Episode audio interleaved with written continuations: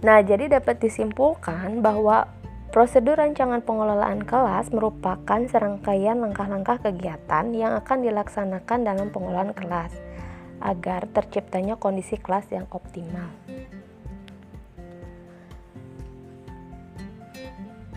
Menciptakan kondisi kelas yang optimal perlu memperhatikan dua dimensi.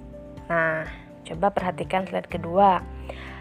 Ada dimensi pencegahan atau preventif dan ada dimensi penyembuhan atau kuratif.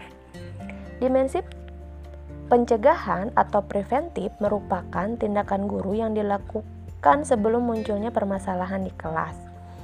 Nah, tindakan-tindakan ini bisa tindakan mengatur siswa, lingkungan, eh, tindakan pengataan atau penataan peralatan kelas, atau format pembelajaran.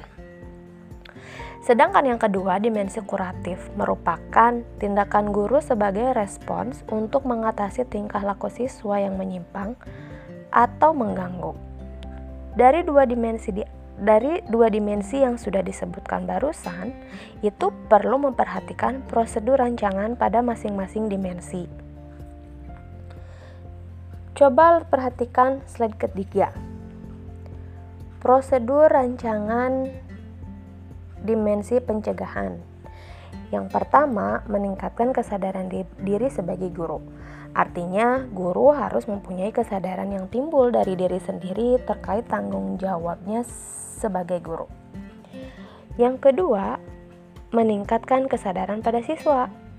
Nah, guru yang bertanggung jawab tentu akan menyampaikan hak dan kewajiban siswa ketika sedang belajar di kelas ataupun lingkungan sekolah. Kemudian yang poin ketiga,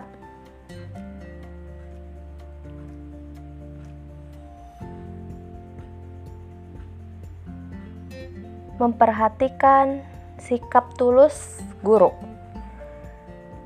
Sikap ketulusan dari guru um, itu akan menjadikan guru sebagai sosok yang ideal tanpa sebuah kamuflase.